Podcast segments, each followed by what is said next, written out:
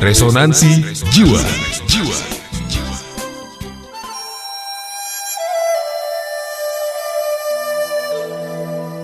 Danau Kehidupan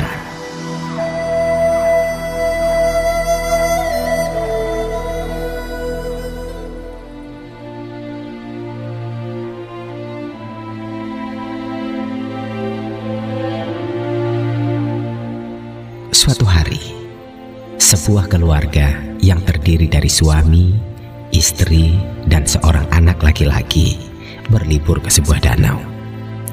Selain alamnya yang cantik, di situ juga tersedia berbagai fasilitas yang dibutuhkan. Di antaranya adalah speedboat yang bisa digunakan untuk berselancar mengarungi danau. Speedboat itulah yang sangat menarik perhatian si anak. Dari jendela kamarnya, ia memperhatikan seseorang yang sedang berada di atas kendaraan itu. Meliuk-liuk seakan-akan menari mengikuti irama riak danau. Ia ingin sekali melakukannya. Tapi ia berpikir kalau ayahnya tidak akan mengizinkan karena seumur hidup ia belum pernah melakukannya. Tapi otak kecilnya juga berpikir, tidak ada salahnya kan kalau aku mencoba. Lalu ia berlari menuju ayahnya. Pak, boleh nggak Irdan mencoba mengendarai speedboat itu? Pintanya seraya menunjuk speedboat yang ia perhatikan tadi. Aduh anakku, itu terlalu berbahaya untukmu. Apalagi selama ini kamu belum pernah membawanya. Ayah takut kamu terjatuh dan tenggelam di danau sana.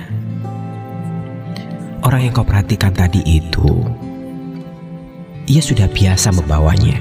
Makanya ia nggak jatuh-jatuh. Jawab si ayah dengan penuh kekhawatiran. Nah, kalau begitu, kapan dong aku bisa seperti dia? Kalau ayah tidak pernah mencoba dan membiarkan aku untuk mencobanya. Dan ayah tidak pernah mengizinkannya. Si anak dengan mata berbinar. Setelah perdebatan yang panjang, akhirnya sang ayah memberikan izin kepada anaknya untuk mencoba mengarungi danau dengan speedboat dengan syarat tidak boleh terlalu jauh. Dan memang mula-mula anak itu hanya melajukan speedboatnya di bagian pinggir danau saja, berkeliling hotel. Tapi karena keasikan dan keenakan, ia pun menancap gas dan tanpa pikir panjang, dia tancap gas sekali, sekali dan sekali lagi. Sehingga speedboat itu melaju sangat kencang.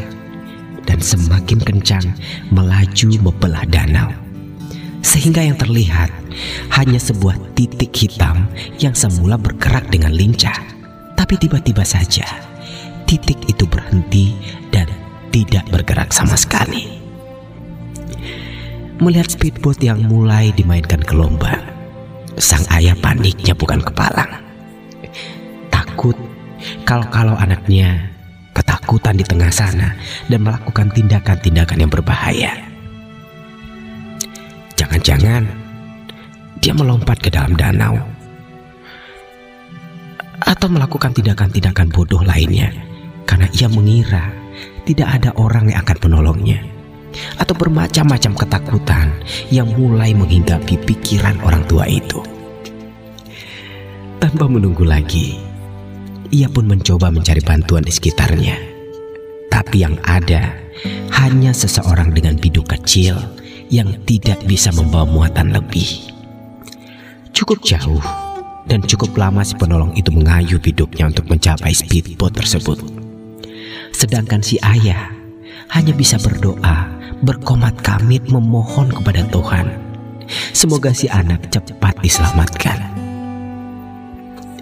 Sambil berdoa, teringat olehnya kelakuan anaknya yang sewaktu masih kecil, keras, rambutnya yang keriting, dan bagaimana beratnya ia harus berpisah dengan buah hatinya itu karena harus menuntut ilmu. Bagaimana Irdan kecil menangis dan mengejar setiap pendengar pesawat yang sedang terbang karena menganggap ayahnya ada di pesawat itu. Lamunannya pun terhenti sewaktu melihat biduk telah merapat ke speedboat. Dengan susah payah, mesinnya diperbaiki dan mulai melaju ke arahnya. Sesampainya di pinggir danau, sang ayah memeluk dan mencium anaknya dengan penuh kebahagiaan untuk melepaskan rasa cemas dan stres karena kekhawatiran bahaya akan anaknya. Irdan, syukurlah kau selamat, Nak. Ayah begitu mengkhawatirkanmu. Ayah sangat takut kalau terjadi apa-apa pada dirimu. Namun dengan enteng, Irdan pun menjawab, Ya, Papa masa gitu aja khawatir? Padahal asik loh, Pak. Asik banget di tengah sana. Kita sendirian, gak ada yang mengganggu seorang pun. Aku pun di sana akhirnya punya pengalaman, Pak. Bagaimana rasanya terapung-apung dan sendirian di tengah riak dan gelombang. Jadi, kayaknya nggak ada yang perlu dicemaskan.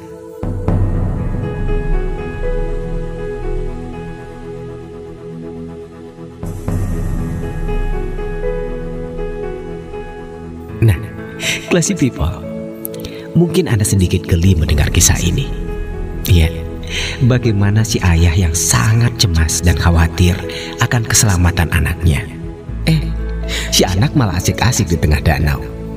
Nah, itulah danau kehidupan yang dimiliki oleh setiap orang. Dan kita sebagai orang tua hanya bisa mengarahkannya. Ke mana ia akan pergi tentunya dengan bekal ilmu yang telah diberikan. Kita tidak harus terlalu khawatir karena memang ada waktunya si anak akan mengarungi danaunya sendiri yang sudah kita persiapkan dan kita harus ikhlas melepaskannya.